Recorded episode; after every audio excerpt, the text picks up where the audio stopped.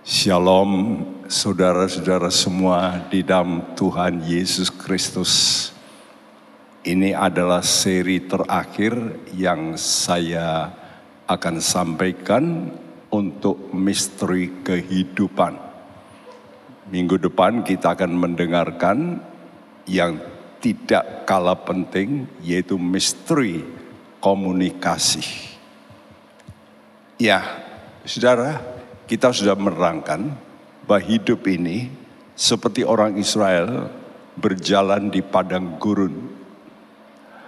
Itu perjalanan yang susah. Saudara yang pernah ke Israel dan dilewatkan di Mesir baru bisa mengerti mengapa orang Israel itu menggerutu. Karena sulit sekali. Nah begitulah di dunia ini. Siapa yang tidak pernah merasa penat. Dan merindukan kapan problem ini bisa selesai dan kami ini bisa tenang terus begitu. Setelah tenang kok masalah lagi. Setelah tenang masalah lagi. Kapan bisa tenang itu langgeng selamanya. Jangan takut saudaraku. Tuhan sudah merencanakan itu.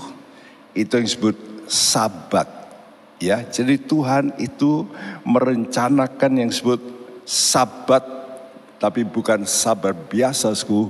Tuhan berkata sabat yang penuh. Nah, ini beda ungkapan penuh ini. Yang betul-betul full. Ya, perhentian itu penuh. Dan itu sudah dicatwalkan dalam garis menurut hari-hari raya orang Israel hari raya ketujuh adalah hari raya pondok daun. Nah pada waktu Yesus hidup, dia persis pada hari raya pondok daun itu berkhotbah dalam Yohanes 7 ayat 37 sampai 39 yang berbunyi dan pada hari terakhir yaitu pada puncak perayaan itu Yesus berdiri dan berseru Barang siapa haus, baiklah ia datang kepadaku dan minum. Barang siapa percaya kepadaku, seperti yang dikatakan oleh kitab suci, dari dalam hatinya akan mengalir aliran-aliran air hidup. Yang dimaksudkannya ialah roh yang akan diterima oleh mereka yang percaya kepadanya.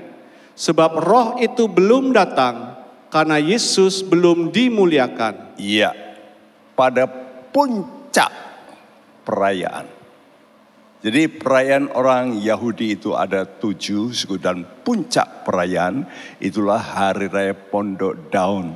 Dan Tuhan tawarkan kepada mereka yang haus. Seperti itulah perjalanan kita dalam dunia ini. Suku. Kita rasanya seperti capek, haus. Ya perlu kesegaran tiap kali. Nah Tuhan sudah menyediakan sementara kita berjalan Tuhan itu sudah sediakan yang disebut aliran-aliran air hidup. Yaitu bukan minuman yang kita minum, tapi dalam hati kita. Dikatakan dari dalam hatinya. Nah ini yang membuat kita bisa tahan dalam kehidupan perjalanan iman kita yang serba sulit ini. Sampai dia datang dan Tuhan berkata roh itu belum datang karena Yesus belum dimuliakan. Ini perkataan ini menunjukkan betapa pentingnya Yesus itu harus mencapai yang disebut rencana Bapa untuk sampai dimuliakan. Bukan hanya bangkit, tapi naik ke sorga lalu duduk di sebelah kanan daripada Bapa untuk dimuliakan. Karena itu kalau kita menjadi orang Kristen yang suka memuliakan Tuhan.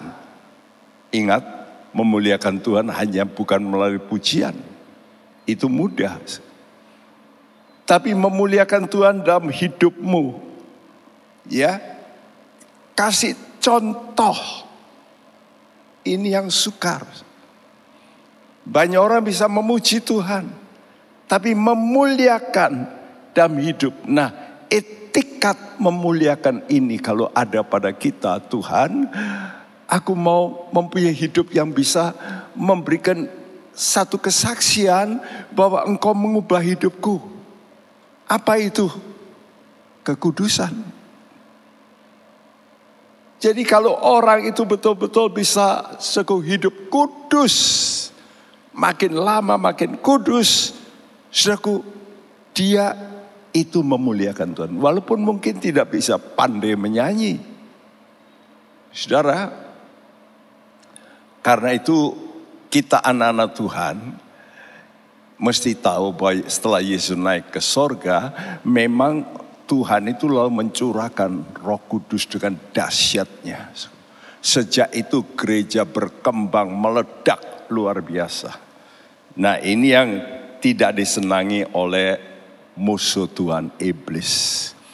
Karena itu dia mulai pakai orang-orang tertentu khususnya yang disebut rohaniawan. Para pendeta, para diakan, itu mulai dipengaruhi dengan apa? Dengan keduniawian. Dan itulah yang terjadi dalam gereja, dalam wahyu, pasal yang kedua kalau sudah baca setelah gereja Efesus yang bagus lalu datang aniaya eh aniaya makin kuat lalu iblis ganti taktik yaitu gereja Pergamos. Di situlah mulai masuk keduniawian. Apalagi sang raja kaisar masuk menjadi orang Kristen. Wah mulailah sku, ya kebanggaan. Lalu di situlah justru merosotnya rohani. Saudara, jadi kerohanian gereja itu merosot bukan main karena duniawi masuk ke dalam gereja. Tapi suku, itulah keadaannya. Oleh karena itu Tuhan lalu mengadakan suku pemulihan. Tuhan mengcounter kembali pekerjaan iblis. Walaupun setelah ada gereja Pergamos, lebih parah lagi gereja Tiatira, jadi makin merosot, makin merosot, maka Tuhan mulai mengcounter. Ya, mulai muncul yang namanya gereja Sardis. Nah, di situ mulai pujian, mulai dinaikkan. Ya, jadi kisah Rasul 3 ayat 19 sampai 21 mengatakan, Kristus itu tinggal di sorga dia nunggu, nunggu apa sku? Pemulihan segala sesuatu. Jadi oleh karena gereja yang sudah merosot begitu rupa, mulai dipulihkan. Nah itulah zaman di mana Martin Luther mulai mengerti firman Tuhan bahwa pembenaran itu bukan oleh karena perbuatan, tapi oleh karena iman. Nah, dari awal itu lalu suku gereja terus dipulihkan dan terus sampai sekarang gereja makin mengerti ya apa itu yang disebut janji-janji Tuhan. Saudara, jadi janji firman Tuhan bahwa melalui Nabi Yoel bahwa pada hari-hari terakhir Tuhan akan mencurahkan rohnya yang kudus lebih dahsyat lagi. Nah ini kita mesti jaga. Apakah kita sudah siap mempunyai kantong ya kulit yang baru sebab kata Tuhan kalau anggur itu dicurahkan anggur yang baru dan kantongnya yang lama itu akan pecah. Jadi kalau begitu suku anak-anak Tuhan semua harus memperbaiki diri, mempersiapkan apa? Kekudusan. Kantong kulit baru itu coba sudah lihat bagaimana bedanya dengan yang lama. Kalau yang lama itu sudah mengeras. Ya, kaku. Lalu kena anggur baru yang punya daya tekanan tinggi, pecah. Maka perlu, kantong kulit yang baru yang elastis. Nah, bicara lagi, sku, hati yang lemah lembut. Ini adalah perkara yang sangat penting. Kita mesti melatih diri kita ini supaya jangan mempunyai hati yang begitu keras. Ya, bandel, stubborn, ya, keras kepala. Kenapa? Karena Tuhan akan mencurahkan Roh Kudus dengan dahsyat dan pekerjaan Tuhan itu nanti grafiknya bukan naik begini lurus tapi eksponensial. Jadi root Itulah sebabnya Roma 9 ayat 28 mengatakan Sebab apa yang telah difirmankannya akan dilakukan Tuhan di atas bumi sempurna dan segera. Tuhan akan melakukan dengan cepat pada hari-hari terakhir. Kalau umatnya ini sudah siap. Ya, karena itu saudara-saudara, sekarang ini saudara eh, masa-masa COVID ini, saudaraku, saudara jangan biarkan ini masa yang penting. Saya berkata ini betul-betul kantong kulit kita ini harus artinya hati kita ini jangan sampai mengeras begitu rupa kalau enggak bertobat kalau nggak betul-betul meninggalkan kebenaran diri kita sendiri untuk mau bertobat dan mulai melembutkan hati. Ya, sesuatu yang jelas kalau orang itu mulai melembutkan hatiku, banyaklah menangis di bawah kaki Tuhan. Apa yang terjadi pada hari Pentakostasku? Mereka teriak, Ya, apa yang harus kami perbuat? Bukankah itu yang dialami juga oleh Paulus? Yang begitu keras. Saat dia melihat Yesus, dia teriak juga. Teriakan yang sama. Apa yang harus aku perbuat? What shall I do? Saudaraku, hati kita ini mesti bisa remuk ya. Kalau nggak remuk, Tuhan nggak akan hadir. Yesaya 57 ayat 15 berkata, Aku ini Allah yang tinggi, maha kuasa. Tapi aku juga akan menetap diam dalam hati yang remuk. Kapan kita bisa remuk? Kalau mulai melihat diri kita ini, apakah sudah bersih? Karena itu jangan terus meneropong orang lain. Coba kesempatan lockdown ini kita meneropong diri kita. Jangan mengkhawatirkan banyak orang. Engkau, dirimu, apakah sudah siap? Ya. Nah, untuk menggenapkan sego kekudusan ini, saudara ini kan harus mengikuti garis yang sudah dikatakan tujuh hari raya. Dan kita sudah terangkan hari raya ke-5, 6, 7 itu adalah pada musim gugur. Justru dimulai dengan apa? Hari raya Nafiri. Nah di sinilah panggilan, ayo kumpul. Nah kalau sudah diajak kumpul, tapi ada, ah nggak cocok doktrinya beda. Ah dia kok begitu, suku Ya, jadi kita ini sering kali nggak mau kumpul oleh karena kita merasa the best. Saya ulang-ulang berkata, dalam surat Efesus 4, tidak pernah dikatakan satu pengajaran, tetapi satu roh.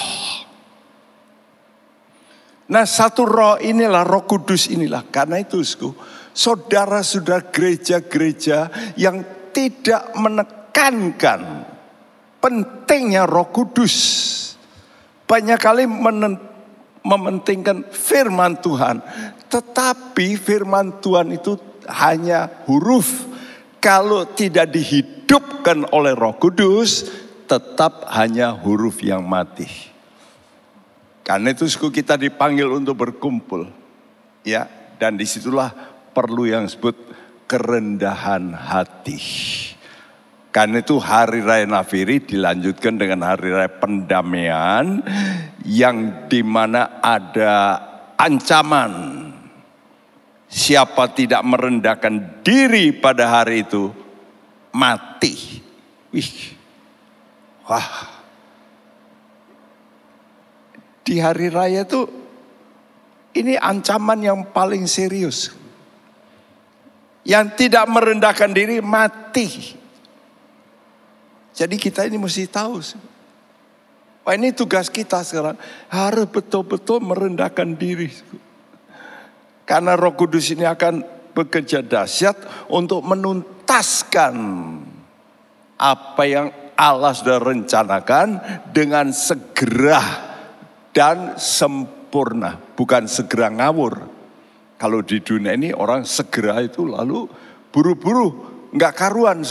Tapi Tuhan tidak, justru ini waktu yang singkat itu Tuhan akan kerja dahsyat anak-anak akan dipenuhi roh kudusku, pemuda-pemuda, orang-orang tua ya. Karena itu kita mesti jaga semua.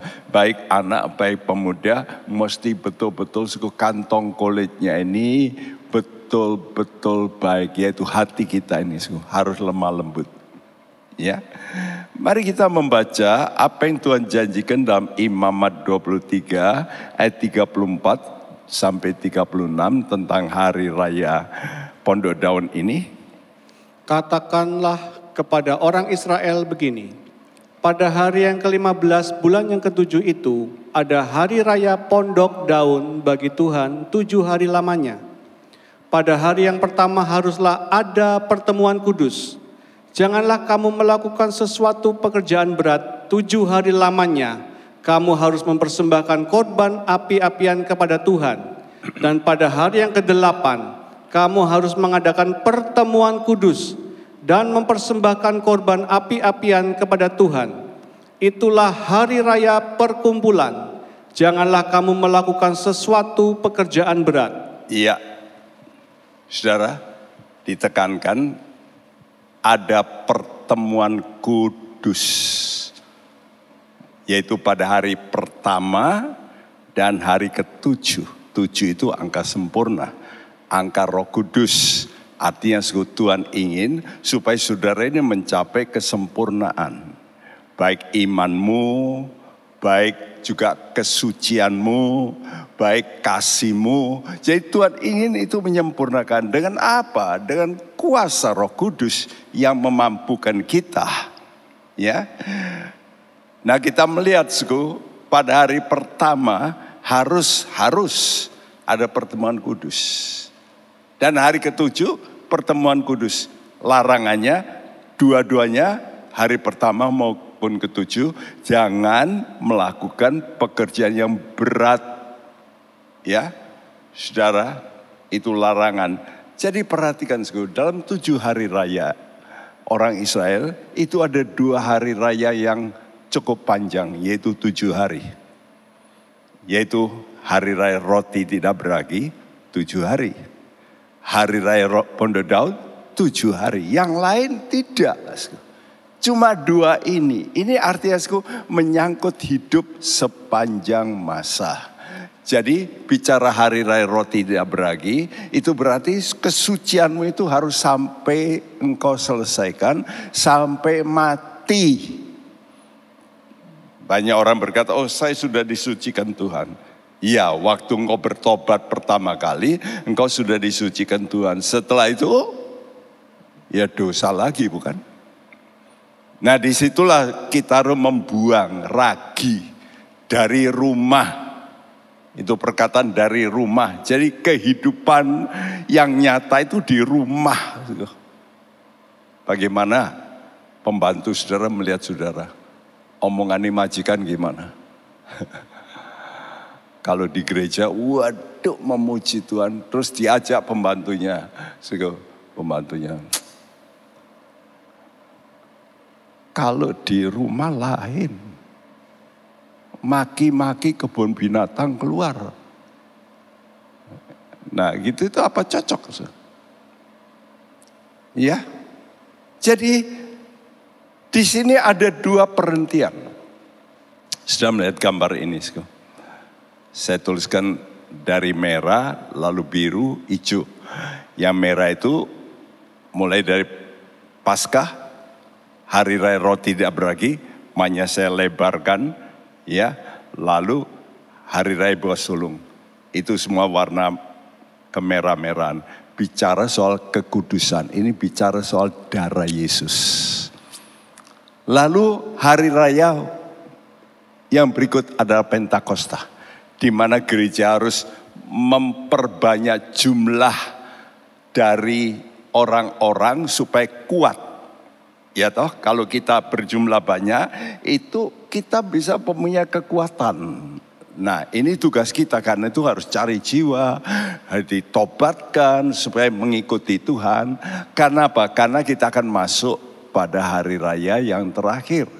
Yaitu pada musim gugur di mana banyak orang akan gugur rohani.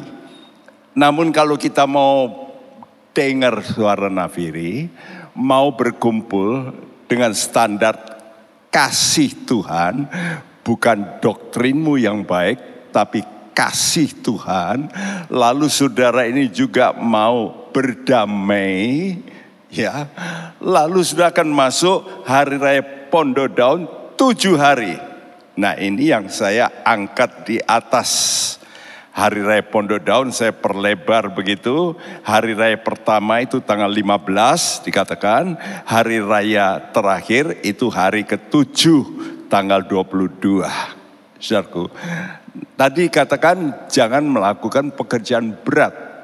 Cuma begitu. Tapi kalau ayat 39 lebih tegas. Pekerjaan berat itu gimana? Ya tak? Coba kita baca ayat 39 ini. Akan tetapi pada hari yang ke-15 bulan yang ketujuh itu pada waktu mengumpulkan hasil tanamu, kamu harus mengadakan perayaan bagi Tuhan tujuh hari lamanya. Pada hari yang pertama haruslah ada perhentian penuh dan juga pada hari yang kedelapan harus ada perhentian penuh. Nah, perhentiannya mesti full, penuh itu angka sempurna. Sempurna. Tuhan itu suka dengan tujuh, tujuh, tujuh. Ya. Karena itu kalau sudah memperhatikan, tujuh hari raya itu seperti pelita emas itu. Dengan tujuh cabangnya. Dari pasca sampai hari raya Pondok Daun. Sekarang pestanya Pondok Daun sendiri juga tujuh hari. Ya, jadi pesta tujuh hari ini dimulai dengan sabat perhentian yang pertama. Berhenti. Dan diakhiri tanggal 22. Sabat perhentian yang kedua. Kedua-duanya perhentian penuh. Dan ini gambaran, realitanya nanti apa? realitanya, sku, kita ini akan masuk dalam satu perhentian yang betul-betul full, full. Kalau sekarang kita berdoa, sku, lalu dekat dengan Tuhan, aduh berhenti. Tapi sebentar di rumah tangga ada ribut, oh, bisa berhenti? Enggak. Betul enggak? Karena itu Tuhan kasih contoh seperti ini. Dulu orang Israel itu kan dijanjikan nanti kamu akan masuk tanah perhentian yaitu Kanaan.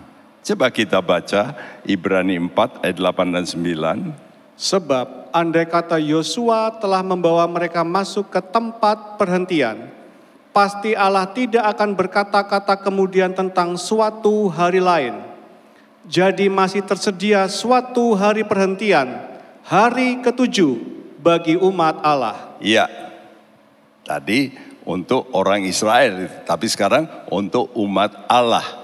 Ini artinya bukan hanya Israel jasmani, tapi Israel secara keseluruhan gereja maksud Tuhan.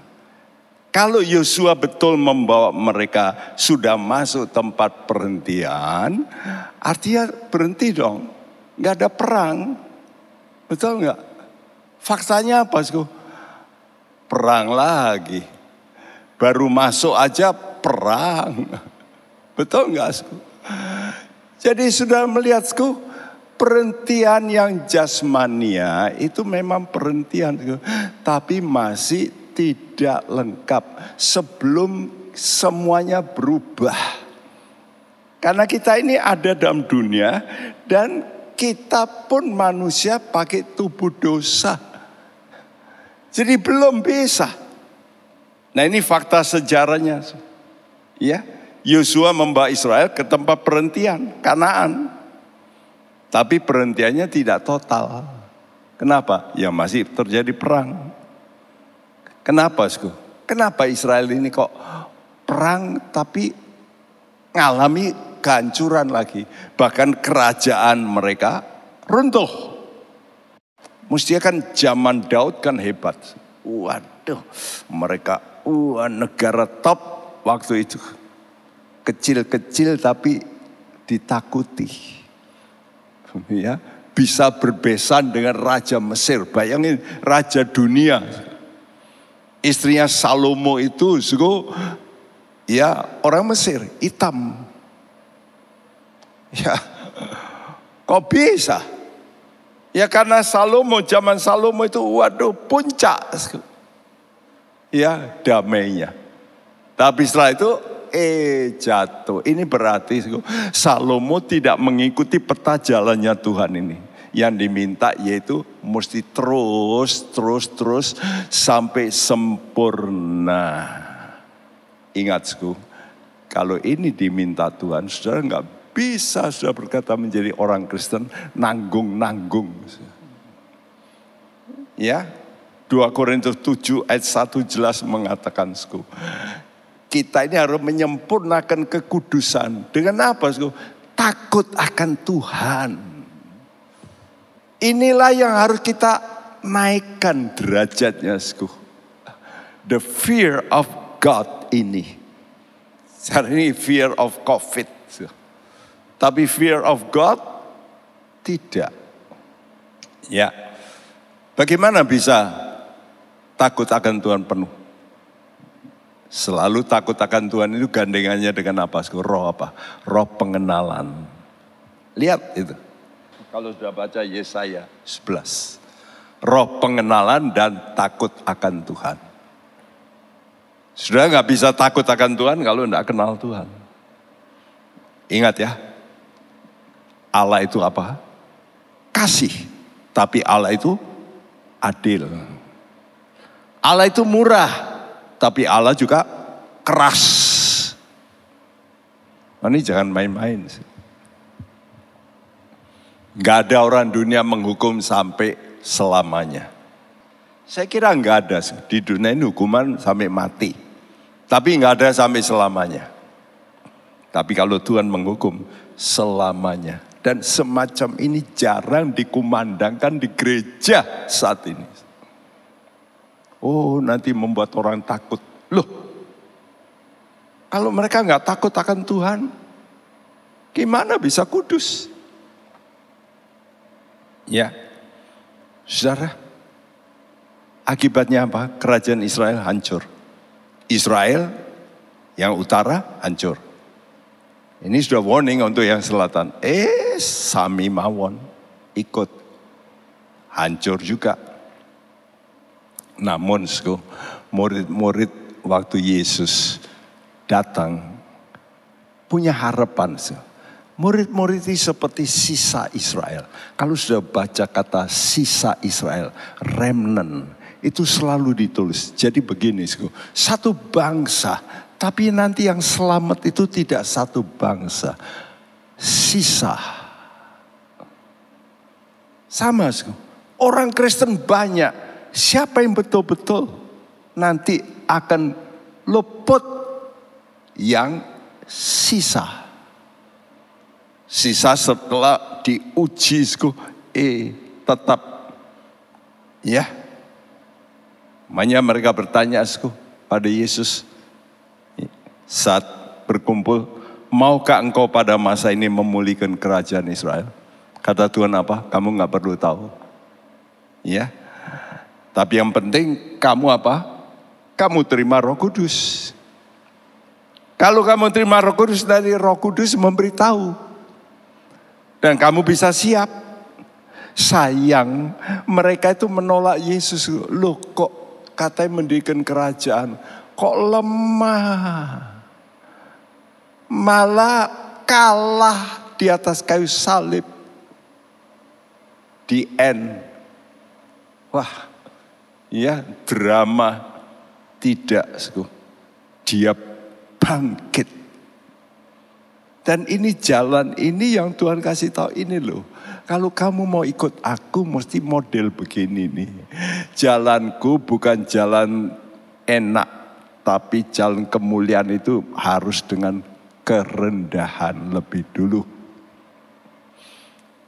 Ya, no pain, no gain. Tidak ada derita, tidak ada keuntungan, tidak ada kemuliaan.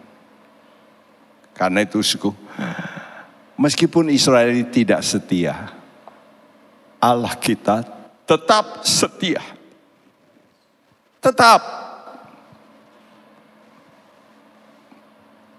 Keturunan Abraham melanggar. Allah tidak mau melanggar.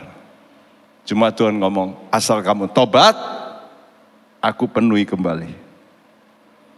Nah untuk mentobatkan inilah, suku, makanya suku hati-hati. Kalau engkau dicintai Tuhan dan kau mulai menjauh, lihat cambuk Tuhan akan datang. Bukannya Tuhan itu benci, no. Karena Tuhan mengasihi. Engkau pernah menjadi miliknya. Dia tidak mau hilang su miliknya. Karena itu dicambuk. Kalau perlu dengan kekerasan. Seperti apa? Israel ini oleh karena kepalanya keras. Maka Allah memakai antikris. Yang keras. Untuk apa? Sku? Untuk merendahkan mereka. Betul-betul. Ya. Sampai apa? Sampai mereka menerima Yesus sebagai Mesias. Dan kitab Sakaria adalah kitab khusus tentang kedatangan Tuhan yang banyak bicara soal Israel. Kalau Daniel itu global secara dunia, pemerintahan dunia, itu Daniel. Israel khusus bicara soal di kitab Nabi Sakaria. Wahyu bicara kedatangan Tuhan, khusus untuk gereja. Jadi perhatikan. Di Sakaria inilah, kalau sudah baca pasal 12 dan 13 di situ, suku nanti Tuhan akan bikin yang namanya penderitaan, dua per tiga orang Israel mati holocaust. Mereka sudah mengalami holocaust berkali-kali, tapi nggak kapok.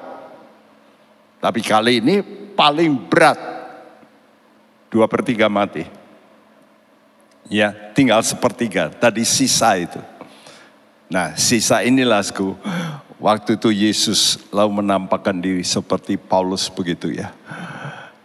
Paulus lihat Yesus apa yang terjadi dia tersungkur, dia mau merendahkan diri. Nah ini yang Tuhan mau. Karena itu waktu ini marilah sebelum saudara menerima hajaran, lebih baik tersungkur dulu. Lebih baik hatimu ini ditekusku Ya, lalu engkau mulai sku, merendahkan diri. Kenapa? Sku? Tuhan itu pasti tertarik dengan hati yang hancur, rendah. Ya, dan begitu orang Israel ini mulai berkata, lihat Yesus, lihat tangannya yang berlobang, kakinya, ya dia berkata, aku ini loh, ini luka di dalam rumah saudaraku, kata Yesus dalam Sakaria. Saat itulah baru orang Israel bersama-sama tinggal sisa ini teriak, Yes Yesus, engkau Mesias. Begitu keluar pengakuan, iya Yesus, engkau Mesias. Langsung Tuhan itu datang. Ya, dengan siapa Tuhan datang? Dengan gerejanya yang sudah diangkat lebih dulu rapture. Nah, Tuhan akan datang untuk apa? Menghajar antikris. Dengan para pengikutnya mati.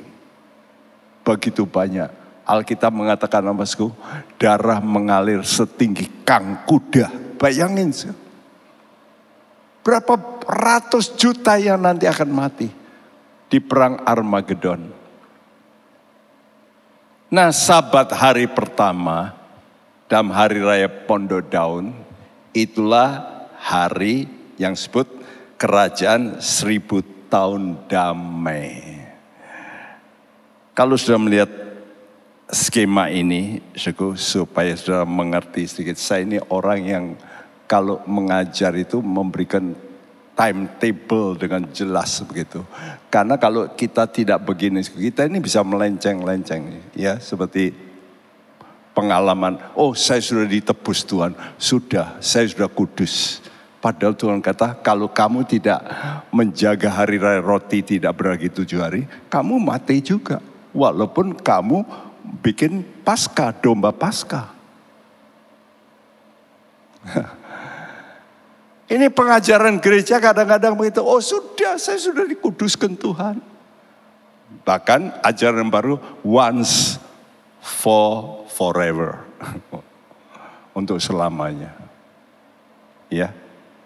Jadi sudah melihatku, Tuhan memberikan kita yang namanya sabat pertama dari hari raya Pondok Daun tanggal 15. Itulah kerajaan seribu tahun ini.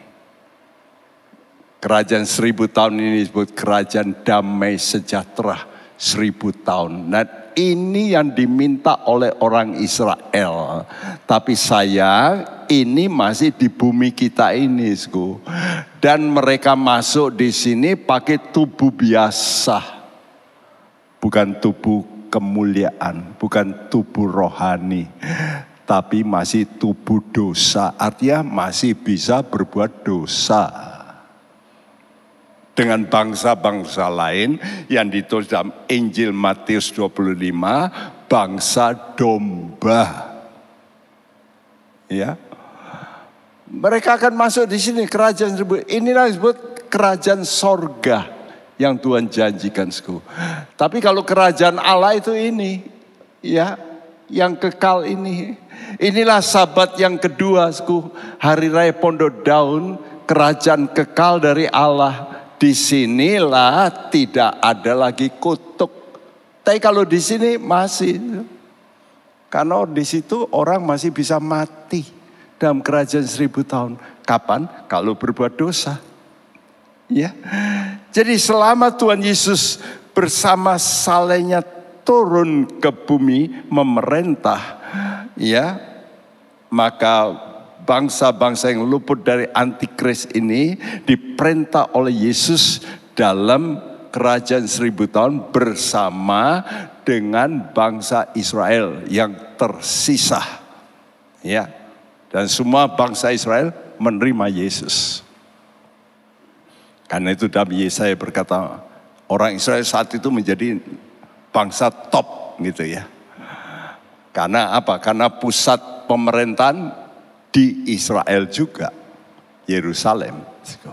Tuhan bertata juga di Yerusalem. Bayangin.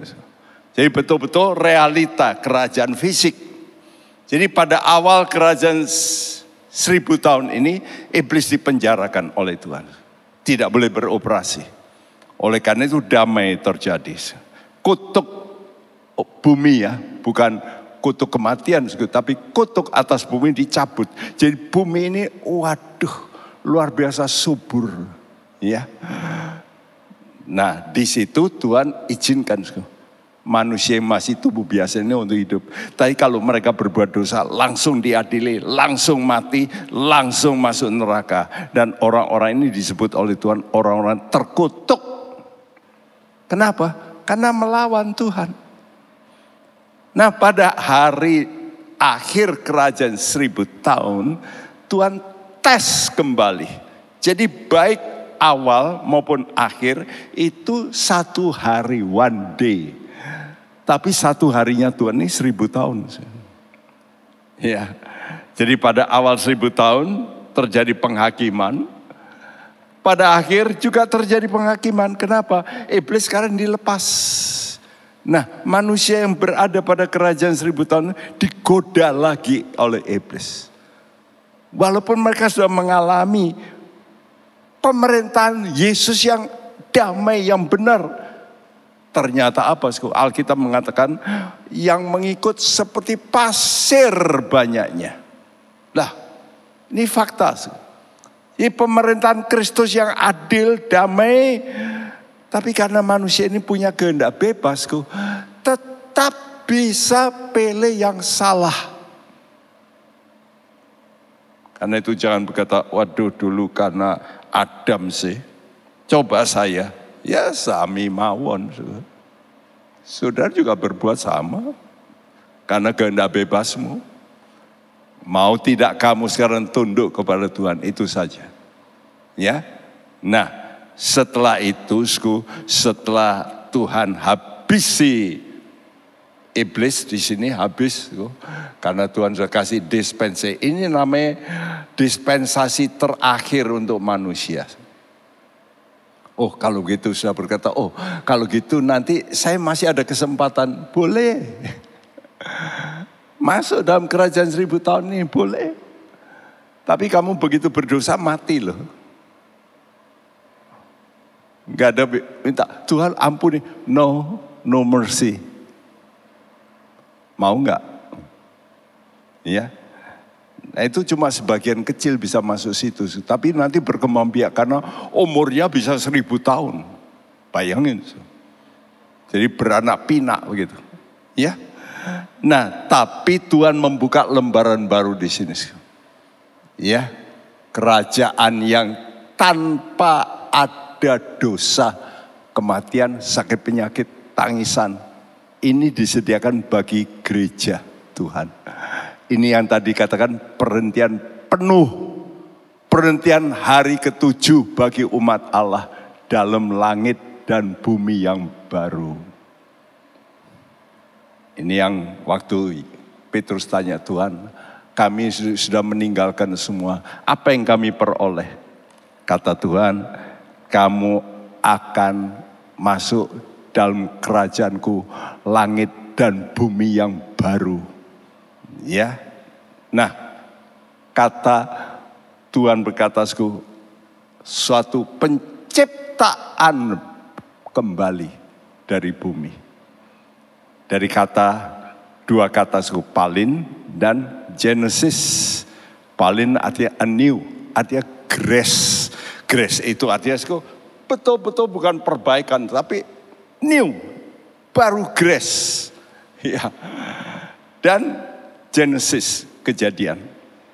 Jadi rencana Allah ini menciptakan sesuatu yang baru secara total. Baik penghuninya maupun tempatnya.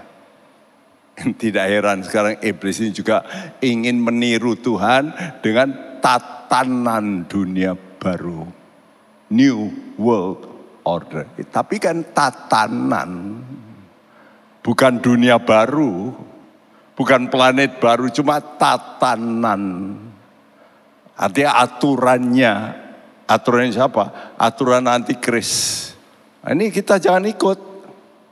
Rasul Yohanes pernah mencicipi apa itu namanya langit dan bumi yang baru. Wahyu 21 ayat 1 dan 2. Lalu aku melihat langit yang baru dan bumi yang baru Sebab langit yang pertama dan bumi yang pertama telah berlalu, dan laut pun tidak ada lagi. Dan aku melihat kota yang kudus, Yerusalem yang baru, turun dari sorga, dari Allah yang berhias bagaikan pengantin perempuan yang berdandan untuk suaminya. Aku melihat langit dan bumi yang baru sebab langit yang pertama, bumi yang pertama lenyap Artiasku, bumi kita ini nanti setelah seribu tahun dipakai Tuhan dalam kerajaan seribu tahun akan lenyap hangus. Gimana yang menghanguskan? Gampang kata Tuhan. Lihat itu bintang. Kalau saya keluarkan dari orbit kan hancur. Bumi kita ini nanti juga berlalu. Artinya dibakar. Nanti baca. Nah, oleh karena itu kalau sudah baca 2 Petrus pasal 3, jadi jika segala sesuatu ini akan hancur secara demikian, betapa suci dan salehnya kamu harus hidup Ini peringatan bagi kita. Masih saja anak Tuhan ada yang bikin bon palsu, nyuri uang, apalagi nyuri uang di gereja. Aduh, masuk surga? No way. Palang pintu, habis. Tapi banyak orang nggak takut. Saya tuh kadang-kadang lihat, aduh, mencuri di gereja yang terjadi juga pernah di gereja yang cukup besar di kota ini. Ini tokoh ini loh. Pelayan tokoh. Ambil juga. Cek. Uh. Jadi bangsa Israel, sayang, mereka hanya mengalami sabar pertama lebih dulu. Mereka nggak ngalami yang sebutku perubahan tubuh. Memang masuk, yaitu lengkungan hijau itu. Seribu tahun yang sebut hari Tuhan. Di bumi sekarang. Padahal gerejanya tidak tinggal di bumi. Yang betul-betul sudah diubah, Dibawa naik waktu jadi waktu Tuhan datang ini, maka gereja lebih dulu diangkat naik di sini. Naik bersama lalu baru Tuhan turun bersama. Jadi begini, sku. Kejadian 1 ayat 1 Allah mencipta langit dan bumi. Kejadian 1 ayat 2 bumi dirusak iblis. Kejadian 1 ayat 3 sampai 11 bumi direnovasi. Ini ya. Tapi bumi kita yang direnovasi ini dipakai 7000 tahun. Jadi dari sini, ini tujuh ribu tahun, milenium, tujuh milenium. Setelah selesai tujuh, bumi dibakar, habis. Tuhan ganti dengan langit dan bumi yang baru. Artinya planet yang new. Betul-betul baru. Jadi bukan bumi kita sekarang, tapi baru semuanya. Dan untuk ini kata Tuhan, gereja waktu Yesus datang di udara kita sudah dijemput. Pertemuan raya di angkasa. Kita sudah mengalami sukacita yang tanpa dosa. Tapi orang Israel sukacita, tapi masih mengalami tubuh dosa. Karena itu mari kita harus mengalami yang ini. Ya, sahabat satu dan sahabat dua. Ya, saudaraku, kita masuk bukan hanya sahabat satu tuh, tapi juga sahabat kedua. Ya, sahabat satu, saudaraku, kita diangkat betul-betul sudah di atas, jauh dari kutuk, luput ini namanya kita mengalami yang namanya tubuh yang baru. Wow, itulah sukacita yang tidak ada taranya. Mari kita berkata Tuhan, tolonglah kepada kami supaya kami bisa mengerti ini. Karena itu siapa yang ingin masuk sabar pertama dan kedua, perhentian kekal dalam langit dan bumi yang baru atau hari Allah, mulai sekarang ini harus memiliki hidup yang ya bebas dari kelakuan-kelakuan yang gak kudus. Punyailah kelakuan yang kudus. Kapan? Kalau sebagai sebagai musafir. Ya, Saudara pegang Alkitabmu sebagai satu pedoman. Oh, aku harus begini. Ini loh, holy behaviors. Jadi kelakuan tubuh ya. Pious acts. Jadi saleh ibadah ya dan sudah akan mengalami kesukaan yang tidak ada tarahnya sampai selama-lamanya. Jadi kita akan mengalami hari Allah yang luar biasa. Di mana semua kutuk akan lenyap, tidak ada lagi sakit penyakit, tidak ada lagi dosa, suku, tapi sukacita dengan Tuhan selama-lamanya. Amin. Mari kita berkata, kalau begitu Tuhan tarik hatiku ke sorga. Itu kemuliaan yang Tuhan siapkan. Kita nyanyikan pujian ini supaya hatimu bisa engkau selalu inginkan ke sorga. Dulu waktu saya menjadi anak-anak sekolah mingguku, diajar selalu soal lagu-lagu yang begitu. Ya, nanti keliling tak tahu, sorak nyanyilah, sorak nyanyilah. Ya, dalam dunia kamu susah, tapi jangan takut.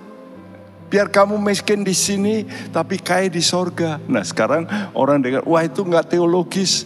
Masih kok mau miskin di sini? Ja, jangan dinyanyikan. Ya, persembahan kami sedikit sekali. Ah, enggak teologis. Ya, karena miskin kan mesti sedikit. Tapi orang zaman dulu nggak apa-apa. Ya, mari kita punya hati selalu menuju ke surga. Saya nyanyikan lebih dulu.